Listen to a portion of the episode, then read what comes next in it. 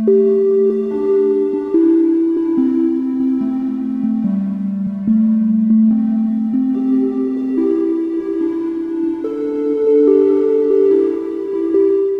a tothom, benvinguts i benvingudes una setmana més a Molon Lave. Avui us portem la narració de la primera gran batalla del món nòrdic, que va enfrontar a les grans dues famílies dels déus, els Aesir i els Vanir. Quan el món encara era molt jove, hi havia dues famílies o tribus de déus, els Aesir i els Vanir. Els primers eren descendents del gegant Bor, pare d'Odin, Vili i Ve eren molt venerats a Midgard i rebien nombrosos sacrificis. Entre les seves habilitats destacaven la guerra, la justícia, la cura de la llar o la saviesa. Els déus més representatius d'aquesta família eren Odin, el pare de tots, la seva esposa Frigg, el seu fill, el brillant Baldur, i altres déus com el noble Tyr o el valent Thor. Per altra banda, els déus Vanir eren els déus de la natura, del mar, de la neu, dels cultius i de la fertilitat, tant de la terra com de l'ésser humà. Els Aesir els consideraven inferiors, ja que no rebien un cult tan extens com el seu. Els consideraven déus menors. De la família dels Vanir destaquem el déu del mar Njörd, la seva esposa Skadi, que, tot i haver nascut geganta, era Vanir per matrimoni amb Njord i era la deessa de les neus. També eren molt estimats els fills bessons de Njord, d'extraordinària bellesa i poder, Frey i Freya, que signifiquen el senyor i la senyora. Al principi dels temps, totes dues famílies vivien en una relativa pau, cadascú al seu regne. Però hi havia una poderosa fetillera, Vanir, anomenada Gulveig, molt avariciosa i de fort caràcter, la seva presència mai no era agradable ni benvinguda a Asgard, per la qual cosa, un dia que els déus no podien més amb el seu comportament, la van travessar amb innumerables llences i la van llançar a una pira d'altes flames. Tanmateix, un cop les flames es, es morien, Gulveig s'eixia, intacta. Els déus van repetir el procés de cremar-la dues vegades més, però Wolbeig una i una altra vegada sortia intacta.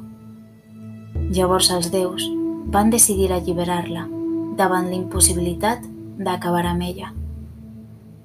Golbeig, dolguda per la tortura que havia viu, viscut, es va tornar més poderosa, més malvada i més cruel.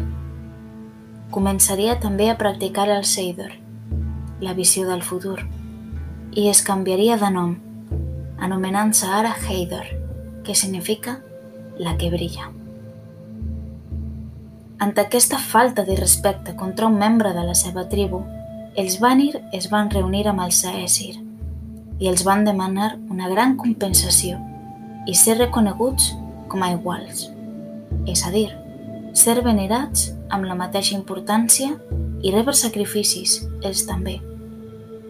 Els Aesir gelosos del seu estatus, es van negar a totes dues peticions i els Vanir no van tenir més remei que declarar-los la guerra. Aquesta terra es va desenvolupar tant en Vanaheim com en Asgard, amb una violència i destrucció sense precedents. Els Aesir estaven convençuts de que guanyarien fàcilment. Després i tots, Tenien les qualitats i els dons de la guerra i la força, però no comptaven amb l'increïble poder dels Vanirs, que tenien el control sobre la natura, fent-los enemics ferotges i molt tenaços. La batalla es va estendre dies, mesos i anys, fins al moment en què tots dos van arribar a un acord, degut a que era impossible derrotar a l'altre. Es van reunir en terra neutral i tots van escopir a un recipient, del qual va néixer el déu Vàsir, el déu més savi dels Vanir. Per mantenir la pau, es van intercanviar déus Vanir per déus Aesir.